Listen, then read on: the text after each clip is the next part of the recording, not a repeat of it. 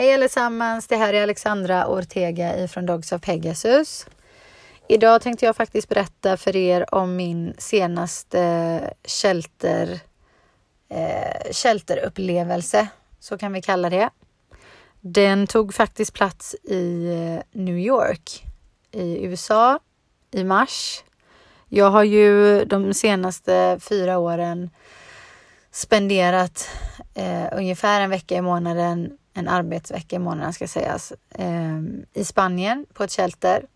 En vecka i månaden eh, av volontärarbete på ett privat shelter. Och då har mina uppgifter varit att eh,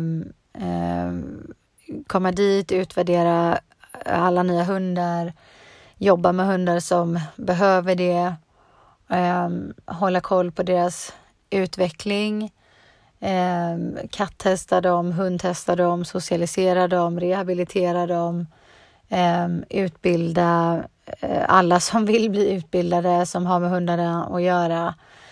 Eh, få hundarna att lita på människor, respektera människor, tycka om människor, eh, bli lugnare, bli tryggare. Allt ni kan tänka er. Eh, och det är ett väldigt givande arbete, speciellt biten som har enbart med hundar att göra. För att liksom utbytet är omedelbart. Alltså all feedback och så är omedelbar även om du inte når slutresultatet på, i ett ögonblick liksom.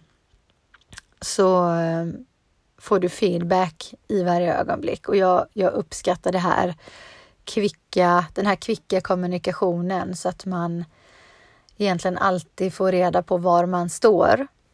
Ehm, jag gillar det här renodlade, avskalade, råa. Ehm, alltså en relation som ser ut på det sättet. Jag, jag uppskattar det för att det är sällan det fungerar så människor emellan. Och eh, det, det, är inte så att det har varit eh, problemfritt ändå, trots att själva hundbiten alltid har varit givande. Den kan också naturligtvis vara hur jobbig som helst. Den kan vara svår. Ehm, det kan gå långsamt. Man kan ha bakslag och så vidare. Ehm, oväntade saker händer. Tragiska saker händer hela tiden. Ehm, men det är framför allt enligt min erfarenhet människobiten som har varit svår. Det är svårt att skapa förändring där liksom alla mönster och rutiner och liksom tillvägagångssätt och inställningar, allting är så inbitet redan. Allting är så etablerat sedan lång tid och det är inte bara vad man, liksom vad man ser med blotta ögat där och då, utan sen strukturen som detta lutar sig mot är någonting helt annat och det är som, det är som men, eh, rötter under jorden som bara blir, som sprider sig hur mycket som helst under jorden som man måste liksom eh, fiska upp och göra någonting åt för att liksom komma åt grundorsaken och, och verkligen skapa en hållbar eh, förändring. Och sånt är så himla svårt. Det tar så himla lång tid och eh, bakslagen är många och, och till slut kände jag i förra året att, eh, ja det började nog för ett år sedan, år sedan så kände jag att jag kommer behöva en paus och nu då eh, i januari åkte jag dit för eh, sista gången före min paus. Jag har fortfarande inte varit tillbaks där igen eh, och jag har faktiskt inte haft någon eh, längtan efter sheltret. Jag har eh, jag har, det, det har varit en sån välbehövlig paus. så att jag har inte eh, behövt ha någon längtan. Den var så, det var snarare pausen som var så efterlängtad så att jag har verkligen, det har varit skönt för mig att eh, få den. Eh, men däremot så har jag ett liksom aldrig sinande intresse för eh, olika shelters och, och rescue groups och allting världen över ändå. Jag, jag intresserar mig för hur de funkar, vad som inte funkar, psykologin bakom. Allting eh, blir en inspiration för mig att eh, skapa mig en egen uppfattning om, om vad jag kan bidra med för att göra saker och ting bättre. Eh, och först och främst så skillnaden mellan ett shelter och eh, Eh, en, en rescue-grupp är att ett shelter tar emot allting som kommer in. Ehm, man, alltså, och sen finns det olika sorters shelter också. Det finns eh, kommunala shelters. De får inte säga nej till någonting. De måste ta emot allting som kommer in. Alla hundar som hittas lösspringande ute. Alla hundar som folk eh, kommer in och överger. Alla hundar som överges precis utanför dörren och lämnas i kartonger och knutna vid liksom, lyktstolpen utanför och så vidare. Allting som kommer in måste eh, tas om hand på ett kommunalt shelter. Sen finns det privata shelters. Eh, de måste inte ta allting som kommer in såvida inte, såvida inte hundarna kommer in via avtal som skrivs med olika regioner, olika områden.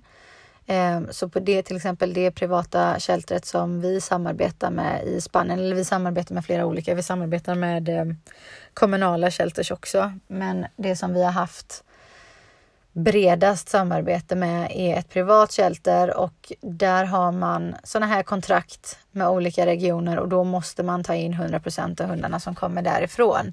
Däremot eh, är det inte obligatoriskt för dem att ta emot hundar som privatpersoner eh, försöker göra sig av med och, och, dumpa hos dem helt enkelt. Det, det måste de inte utan där kan de välja och sen så finns det då rescue groups eh, som eh, handplockar vad de vill ta in till sitt hundhägn. Så att de, eh, olika rescue groups är ofta ute på kommunala shelters och ibland privata shelters och se vad som finns där och så plockar man hundar därifrån till sin rescue group. För att på kommunala shelters så finns det ofta en deadline. Till exempel där vi jobbar i Katalonien i Spanien. Eh, där är det eh, olagligt, det är förbjudet att avliva friska hundar. Eh, men i resten av Spanien är det inte det, så att då finns ju en deadline. En hund kanske får befinna sig på ett kommunalt shelter allt från eh, ett par dagar till 30 dagar liksom. Och är det en hund som får stanna längre än så så är det för att personalen har förbarmat sig över just den där hunden som de kanske har knutit an till extra mycket eller så. Eh, men policyn säger att, att det finns en deadline. Och en rescue group är i princip alltid privatdriven. Så att där finns inga deadlines utan ehm, har, därför plockar de ofta så här death row dogs som det kallas, alltså hundar som sitter på ja, men death row, alltså hundar som har en deadline och, och, är, och är på väg att och stryka med för att de närmar sig sin eh, tilldelade sitt tilldelade bäst före-datum helt enkelt. Och då plockar man hundar där och så tar man dem till sitt eh, hundhägn och så, så får de sitta där tills de hittar ett hem.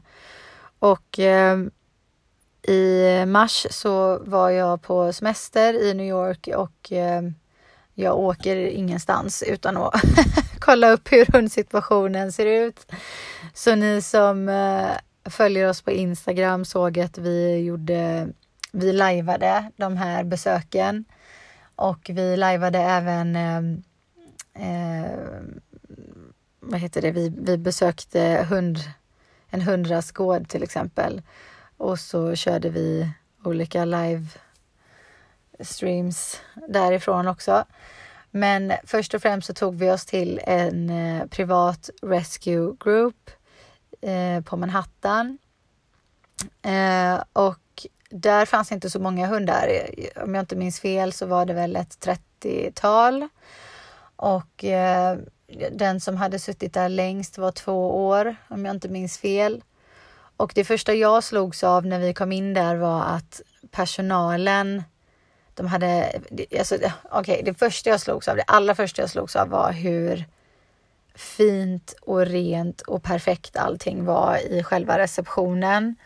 Eh, allting jättefräscht och snyggt liksom och ordentligt och eh, såg nymålat ut och, och väldigt väl genomtänkt och de hade till och med såna här små high tech såna här små, det fanns en monitor, flera stycken där, eh, där man kunde liksom scrolla och titta på hundar och få information och så. så att, eh, ja, men, men väl genomtänkt och, och, och eh, den första tanken som slog mig var okej, okay, här finns cash liksom. De här, det här stället har pengar och det här stället är, mm, ser ut att vara väl eh, att, att de har ekono tillräckligt ekonomiskt stöd eller tillräckligt, det har man väl aldrig men i alla fall inte min erfarenhet. Sen vet jag inte, det kanske de har.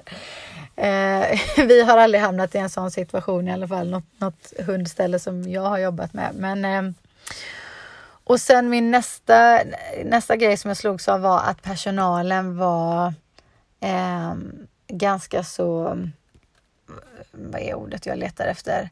Eh, lite högfärdig. Det var lite så här näsan i vädret stil på människorna. De synade lite upp och ner sådär och gjorde ingenting för att dölja det och eh, hälsade vänligt men kändes mer intränat än genuint. Eh, för att kollar man på deras kroppsspråk så var det väldigt framsynen med blicken och, och det var inte den här misstänksamheten man har för att kolla, kan du vara en bra hundägare?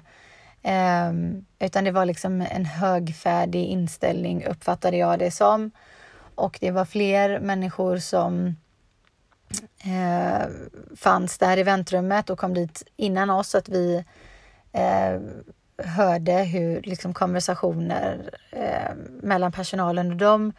Och även då så liksom Ja, men ibland kändes det lite som att de dumförklarar folk som, som hade frågor om saker och ting för att det är klart man vet inte alltid hur det går till och så vidare. Eh, och så det gav mig lite så tråkiga vibbar där jag kände okej, okay, vad, vad synd liksom. Och ofta när det går till på det sättet så är det för att eh, man har kö, en adoptionskö. Det finns liksom fler folk som vill adoptera än vad de har hundar att tillgå. Och då har man liksom råd att ha den tråkiga attityden, lite så. Och eh, för att överhuvudtaget eh, ha en chans att få titta på anläggningen så behöver man vara en adoptions eh, intressent. Så att eh, det uppgav vi att vi var och det var inte helt osant för att hade vi stött på en hund som vi absolut inte hade kunnat glömma så hade vi ju eh, gjort vad man behöver för att kunna hjälpa den. Eh, så att vi blev insläppta där tillsammans med en volontär. Eh, och det blev uppenbart ganska fort att den här volontären inte var speciellt insatt i dels hur den här rescue-gruppen eh, finansieras eller drivs av vem och hur och så vidare. Och inte speciellt insatt i hundarna heller. Jag hade en del frågor om, för att hon visade oss genom alla hundar, det var inte så många. Och jag hade, liksom, hon kunde inte besvara alla frågor kring dem och så vidare. Um, och det som är så intressant är att eh, på det här sheltret, liksom så många andra, eh, den absoluta majoriteten skulle jag säga, är att man har, det finns en utbredd inställning till att det är dåligt att fostra en hund eh, och hantera en hund eh, på grunderna att man bör visa en hund när någonting inte är okej. Okay.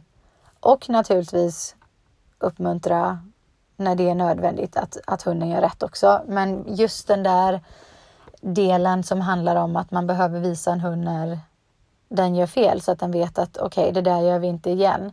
Det finns liksom en utbredd uppfattning i rescue-världen som sådan eh, att det är någonting negativt och jag ser det om och om igen att det här beror på att den typen av människor som ofta söker sig till, eh, vad ska man säga, ja, men det här yrket eller den här, den här delen av hundvärlden där det handlar om att liksom, eh, engagera sig i mindre lyckligt lottade hundar, väldigt utsatta hundar.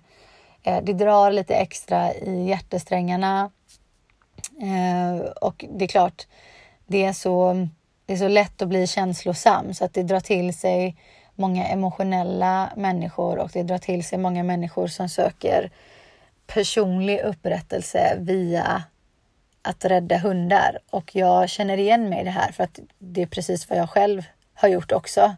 Och jag har berättat om det i ett tidigare poddavsnitt med som eh, ja, jag tror att det avsnittet är från december eller någonting så att ni får nog eh, titta en bit bakom om ni har missat det. Men jag har berättat om, om, om det förr i ett avsnitt som handlar om varför gör man som man gör och då har jag grävt i min egen resa och eh, det slog mig en dag att jag har dragits till den här delen av hundvärlden också för att söka upprättelse för mitt förflutna, att försöka eh, ställa saker till rätta som jag inte lyckades med då. Det försöker jag göra nu eh, via hundar. Eh, men jag håller fokus på, jag ser mig själv som ett verktyg i processen så att jag försöker att eh, hålla fokus på vad hunden behöver, inte nödvändigtvis vad jag vill ha. Så att även om, om hunden behöver någonting som inte är det roligaste för mig att ge så gör jag det ändå för att det handlar om hunden i första, i första hand. Liksom. Och eh, tyvärr är inte det så det alltid fungerar, speciellt inte då i den här delen av hundvärlden. Så att det, är, det kryllar av eh, emotionella människor som agerar nästan enbart på sina känslor. Och det är klart, om man redan är inställd på att den här hunden har hamnat här för att den har haft det dåligt. Den ska aldrig mer behöva ha det dåligt. Eh, och när jag säger ifrån till hunden, om jag tillrättavisar hunden, så ser den, då slutar den vifta på svansen. Den kanske liksom tittar lite under lugg och ser lite ynklig ut. Eh, den helt plötsligt har den en låg profil, kanske till och med får lite krum rygg och, och ser så ynklig och sårbar ut och till och med sorgsen. Så att då känner jag mig så elak så att jag vill inte framkalla en sån uppenbarelse. Så då blir det att jag finner logik i att inte säga nej till hunden något mer. Och konsekvenserna av detta blir att hundarna är helt oregeliga. Så att när vi var där i den här lokalen, alltså det var ju ingen som Alltså det heter att man går ut och promenerar med hunden, men det är hunden som är ute och promenerar med människan och de här människorna blir släpade på till höger och vänster. De kan knappt hålla in hundarna. Eh, många av dem är liksom stora och kraftfulla. Få av dem var bra med andra hundar, eh, vilket är en klassiker om man har den ideologin. Och eh, man märkte hur de försökte liksom downplaya och eh, ja, förminska och ursäkta hundarnas beteende med att ja, men, eh, hon är så stressad eller han har suttit här så länge eller det, det, är bara för att någon har varit dum mot honom tidigare. Mycket sånt här. Det var ingen som tog personligt ansvar eh, för att de faktiskt inte etablerade någon struktur för de här hundarna. Det fanns ingen, man, man krävde ingen disciplin av hundarna. Och eh, den enda sorgen som jag, jag ser inte, det är sällan jag ser hundar som är sorgsna över sitt förflutna. Även i de här miljöerna, även på den här typen av ställen. Det jag ser är hundar som är sorgsna för att de har blivit ifråntagna möjligheterna till ett naturligt hundbeteende. Och det om något gör en hund sorgsen. Och eh, det, alltså, nummer ett är att en hund har så lätt att bli stressad i en sån miljö för att alla är så uttråkade. Och den stunden, den lilla korta stunden de får tillsammans med en människa där man skulle kunna trötta ut hunden även mentalt genom att ställa krav på den så att den får utmaningar att klara av och därmed känna sig viktig och nyttig och duktig. Eh, så gör man inte det utan det bara handlar om belöning, belöning, belöning, belöning hela tiden eh, för allt och ingenting. Så att man bygger så himla mycket stress och frustration och sen blir hundarna katastrofala i koppel, hälsar otroligt burdust på människor, tar inte ett nej för fem öre och sen förväntar man sig att folk ska inte bara adoptera de här hundarna men också behålla dem livet ut. Eh, och som det här stället till exempel som har fler folk på kö än vad de har hundar att tillgå. Även om de får ut de här hundarna väldigt många av dem var hundar som hade kommit tillbaks igen och igen och igen. Och det är så det fungerar eh, när man, för att jag vet ju själv i och med att jag är involverad i den här typen av arbete att man kan aldrig tvinga en adoptör naturligtvis till hur de borde hantera sin hund eller fostra sin hund.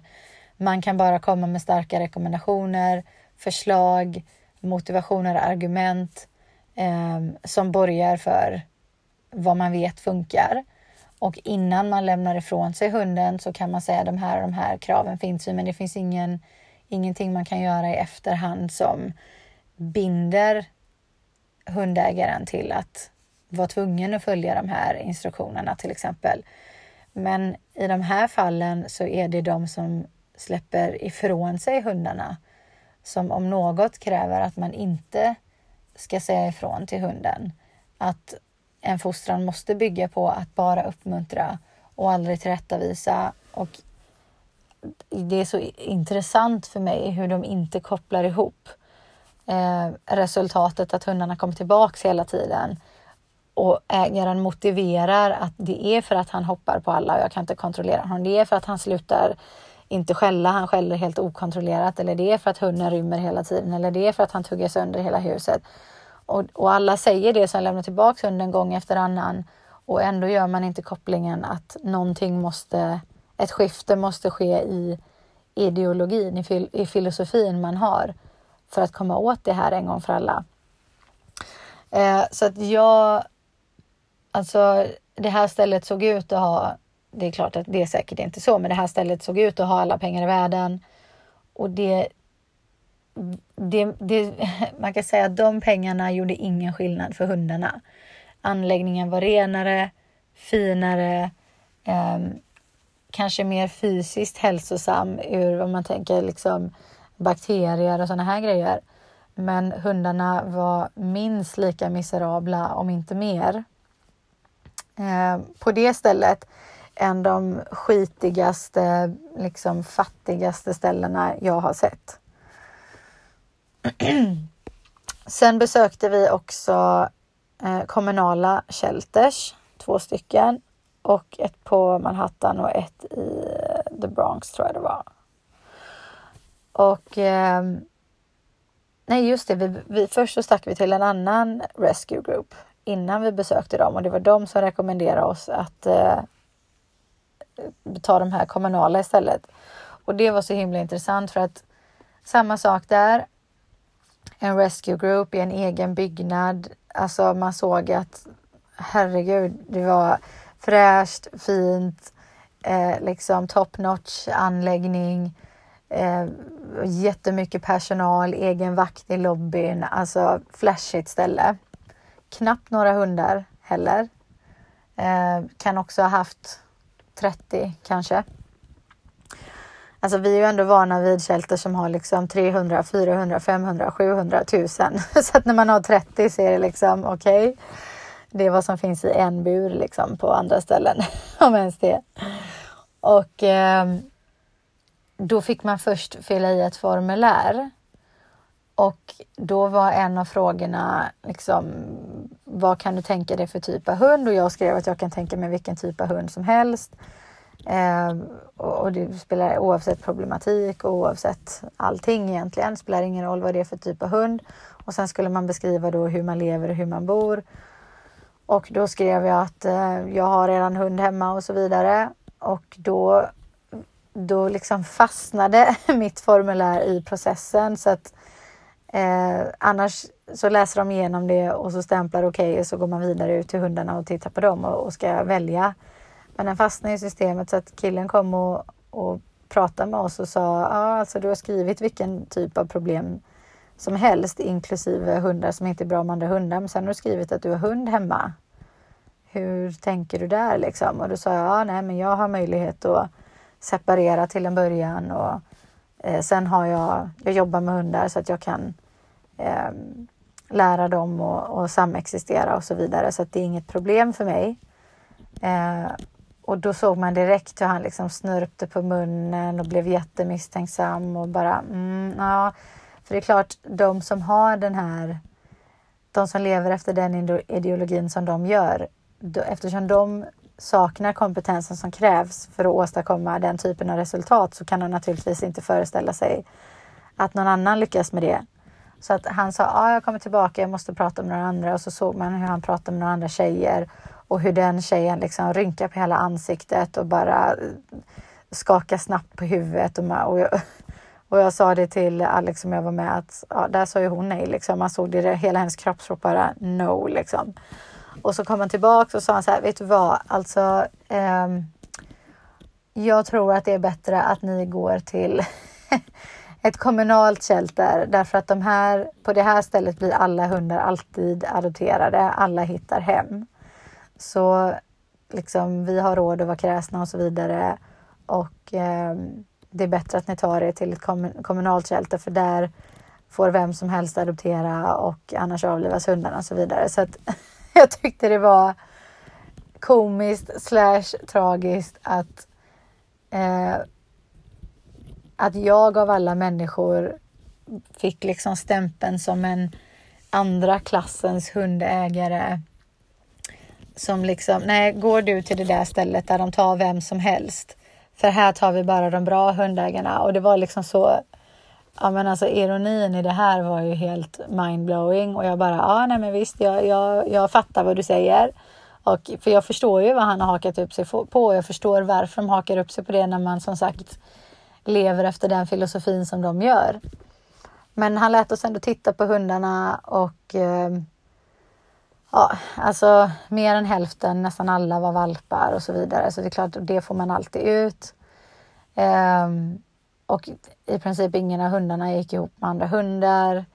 Eh, det sitter, och det gör det på, på eh, i princip alla amerikanska shelters och rescue groups så har varje hund en, eh, en, en typ en folder det är några A4 som de har skrivit upp vad de har, eller de har skrivit, eh, ja, de har skrivit ner där vad de har upptäckt med hunden.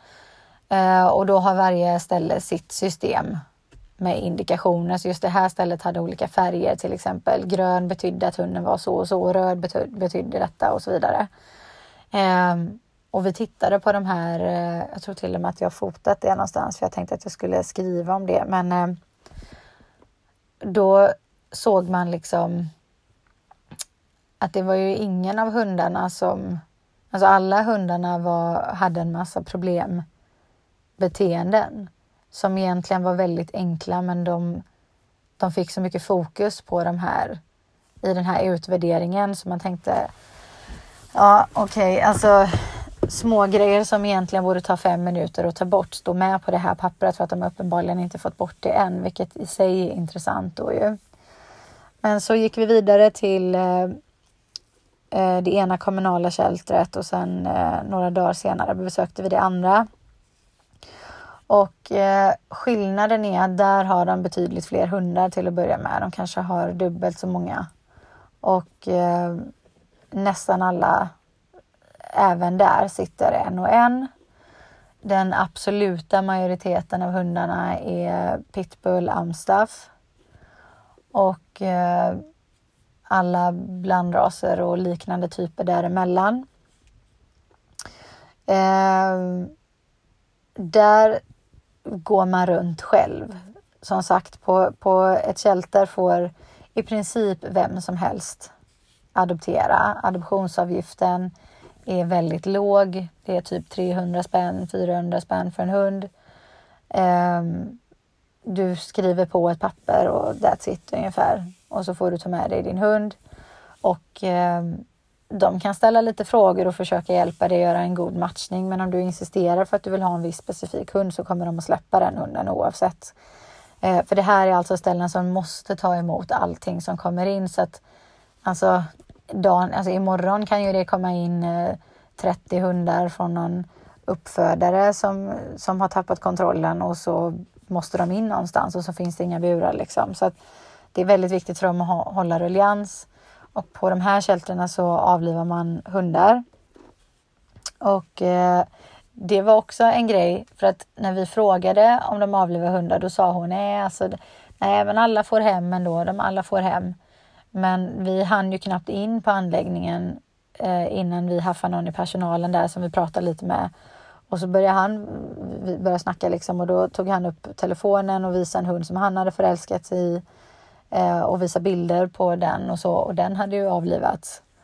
Eh, och sen när jag kom hem, så ni vet man får såna här Facebook-uppdateringar, såna här Facebook-minnen. Och efter att jag var där så eh, har jag fått en massa såna här Facebook-minnen av hundar som jag har delat.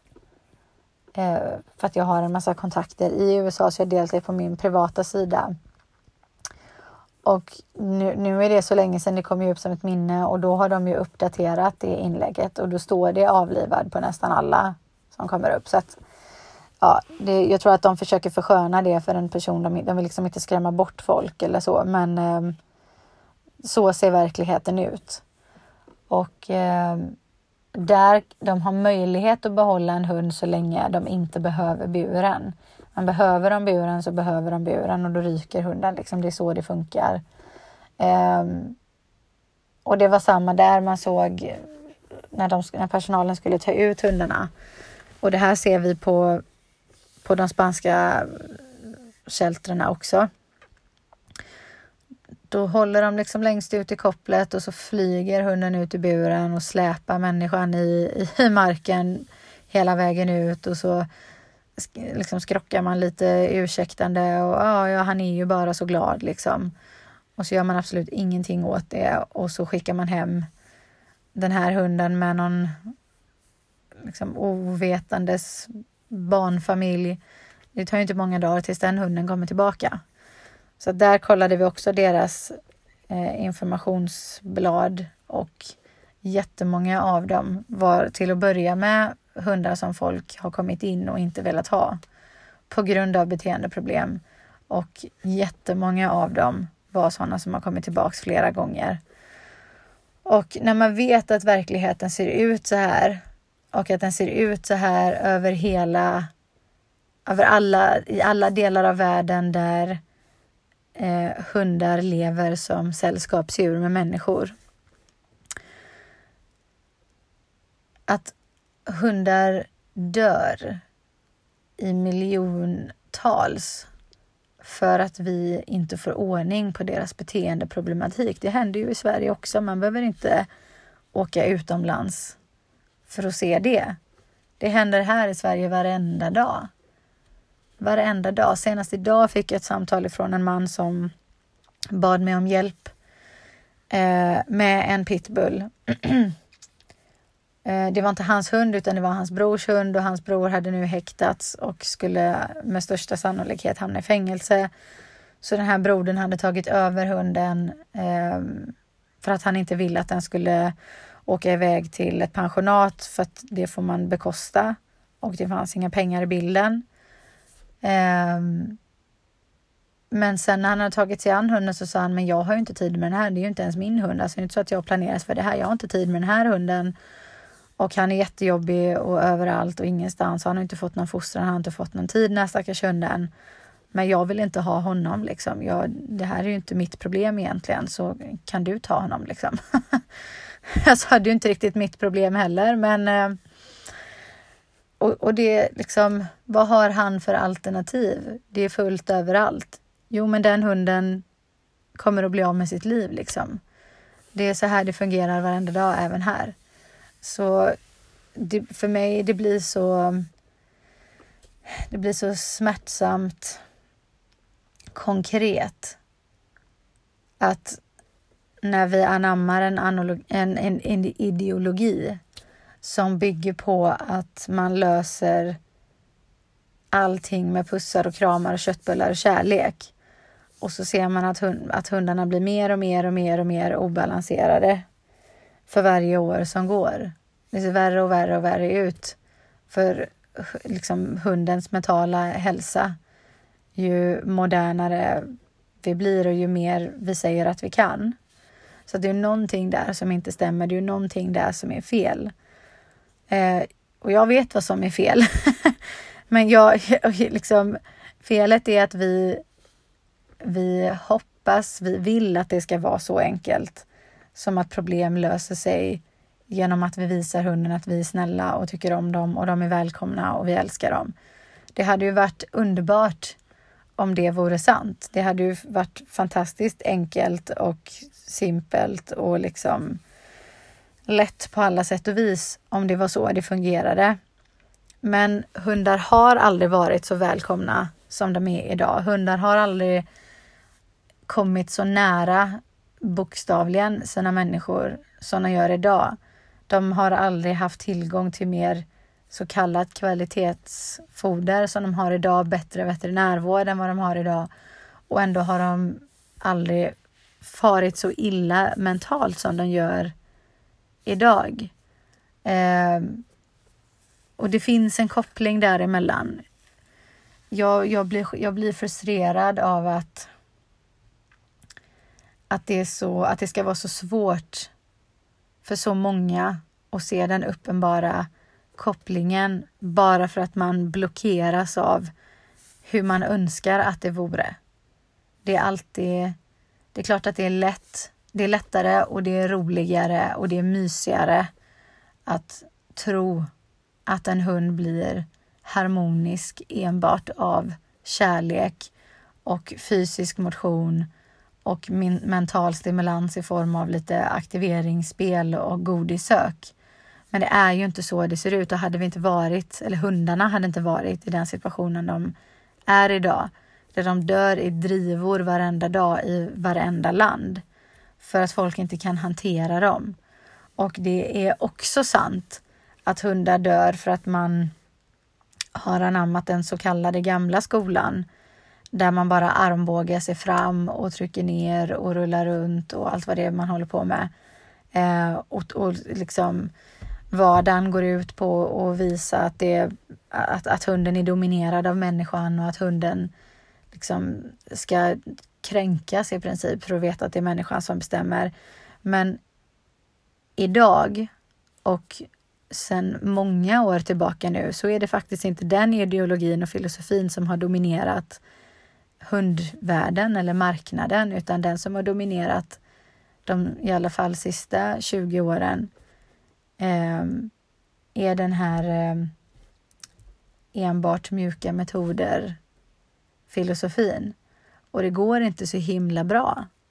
Det var också alldeles nu i, i helgen tror jag det var som jag fick ett mejl från ett par eh, som har en hund med jättemycket ångest låter det som. Jag, jag har inte träffat hunden själv men jag har läst mellan raderna och den är katastrofal i hundmöten. Och de bor i stan och de kan knappt gå ut och gå för att hunden är livsfarlig i hundmöten helt enkelt. Och de har jobbat med en, ehm, en mjuk, mjuka metoder tränare i ett år och där har det fokuserats på att hunden ska lära sig övningar och få liksom lite ja, men, eh, mentala övningar att syssla med hemma, typ aktiveringsspel och lära sig olika saker vilket inte gör så mycket för själva utfallsproblematiken. Och eh, nu har det gått så långt. Hunden mår så dåligt och är så farlig att gå runt med att de har inte haft något val än att låta honom gå på mediciner, alltså de drogar hunden för att han ska kunna existera. Och då skrev de till mig och sa att det här är ju inte hållbart i längden. Nu har de också kommit till den punkten där det är så här, vi kan inte ha kvar honom han är alldeles för svår för oss att ha. Vi lider av att se att han går runt och är drogad hela dagarna, men det är enda sättet för oss att ens kunna gå ut och gå en promenad. Eh, och kan inte du ta honom så måste vi avliva honom och så vidare och så vidare. Det, är liksom, det blir vanligare och vanligare i alla länder där hundar oftast är sällskapsdjur just med eh, lugnande mediciner, med droger helt enkelt. Och vi, vi gör hellre det mot hundarna än att säga nej. För mig är det så ohälsosamt som, som det går att bli. Och för mig bottnar detta mer i hur det känns för människan att säga nej än att hunden skulle fara illa av det. Så ehm, jag har ehm, kvar alla de här hundarna från de senaste shelterbesöken som vi gjorde i mars. Jag har kvar de här hundarna i huvudet. Jag har kvar eh, blickarna som, som jag fick och, och suckarna som jag fick och liksom uppgivenheten som jag möttes av eh, ifrån hundar som har accepterat sin situation och ser att det här är allt som finns just nu. De har slutat att försöka ta sig ut. Jag såg blickar på frustrerade hundar som fortfarande är i fasen när de försöker ta sig ut. Det som jag är van att se eh, på andra shelters helt enkelt. Eh, och, och jag blir så, när man läser de här utvärderingarna och hundtränaren som de har jobbat med eh, skriver liksom okej, okay, hunden drar som fan i koppel, hunden skäller helt hysteriskt, hunden hoppar på folk och kan välta små barn, riva vuxna människor, eh, kommer inte bra överens med andra hundar, gör utfall, är destruktiv, kan inte ha någonting i buren. Eh, och så står det åtgärd. Eh, den här hunden behöver ha många leksaker, det ska lekas mycket, Eh, satsa gärna på godisök. Satsa gärna på aktiveringsleksaker. Eh, se till att bygga upp hunden med hjälp av positiv förstärkning. Står ingenting om att liksom lära hunden gränser, lära hunden att lugna ner sig, lära hunden att kunna vara passiv, lära hunden att visa hänsyn och respekt. står ingenting om det. Eh, för då måste man kunna säga nej, då måste man kunna säga ifrån, då måste man kunna säga, sätta en gräns och vara beredd att utdela negativ konsekvens för en överskriden gräns. Och det är klart, om man inte köper det konceptet så kan man inte heller nå de resultaten och då blir liksom rekommendationen att den här hunden kan bara hamna i ett hem som är så här och så här och så, här, och så är det superrestriktivt. Och hur många hem är sådana? Och då, när man läser de här papperna så bara vet man att du kommer aldrig komma ut härifrån. Och det är en sån extrem sorg i mig eh, som exploderar verkligen när man befinner sig i en sån sits där man är så maktlös för just den individen. Nu gör jag vad jag kan för att skapa förändring eh, i det här systemet, men eh, för just de här enskilda individerna som man står mitt emot just då. Det är en fruktansvärd känsla att veta att hade du fått rätt hjälp så hade inte du behövt sitta här nu. Du hade aldrig ens behövt hamna här till att börja med. Så det hade inte ens varit tal om att hitta ett nytt hem åt dig. För du hade kunnat vara kvar i det du kom ifrån. Liksom. Eh, ja, kanske inte det mest peppiga poddavsnittet idag, men jag kände att det här är någonting som eh, är så vanligt att man måste börja prata om det. Man måste våga och orka prata om det. Även om man får kritik, även om, om eh, man kan mötas av en arg, oförstående, okunnig mobb som vill sätta stopp för att det är viktigast att framföra sin favoritideologi än att hundarna faktiskt får upprättelse. Men vi kommer att stagnera här om, om man inte tar de här konversationerna. Och eh, jag har inte ens försökt i det här eh, avsnittet dölja min frustration över situationen. Eh, för jag, jag lägger mig egentligen, jag lägger mig inte i vad folk tror på och tycker och, och gör med sina hundar. Om jag inte får frågan så, så spyr jag inte ut med, ur med en massa åsikter. Men när det går så långt att hundarna inte får vara kvar och får gå, liksom, får gå in i ett system som de aldrig kanske kommer ut ifrån eller eh, en lång och krånglig resa i bästa fall. Liksom. Då är de så beroende av att de som har mer insikt i det reser sig upp och pratar om det. Liksom. Så till alla som har en hund hos sig just nu. Hur jobbigt ni än har det i dagsläget eller hur lätt ni än har det. Alltså, det finns hjälp att få. Det fin har, ni, har ni hittat så här långt så vet ni det. Då vet ni att det finns hjälp att få. Och har man inte möjlighet att ta sig ut till mig, har man inte råd att ta sig ut till mig, är det för långt, vad, vad det nu än kan vara för förklaring man har. Eh, jag gör mitt bästa för att eh, lämna ifrån mig så mycket gratis material jag kan via podden och videofilmer och balansguiden och krönikor och allt möjligt för att man ska kunna starta den vägen. Jag själv påbörjade en resa utan hjälp utav någon vid min sida. Liksom. Jag, jag är självlärd så att för mig var det exakt så. Jag hade ingen att, att vända mig till så att jag tog, tog liksom gratis materialet på allvar och satte mig ner och studerade det och på den vägen är det. Så att det finns hjälp att få vare sig man kan ta sig hit eller inte. Ge inte upp. Eh, vill man rädda en hund så ska man börja med att behålla sin egen. Och eh, jag hoppas att har ni tagit er hit så hoppas jag att ni landar tryggt i att eh, det inte bara är okej okay, utan livsviktigt att man säger ifrån till sin hund när den gör någonting man inte vill att den ska fortsätta med, när den gör någonting som inte är okej. Okay. Eh, bara sätt stopp. Utan minsta dåliga, dåligt samvete. Bara sätt stopp. För att du gör det kan vara det som gör att din hund får stanna hos dig livet ut och eh, leva ett lyckligt, balanserat, tryggt liv. Okej okay, allihop, vi eh, hörs och ses. Ha en trevlig morgon, middag, kväll, natt när ni nu än lyssnar på det här. Och så, ja, vad säger man? Toodiloo och mot balans.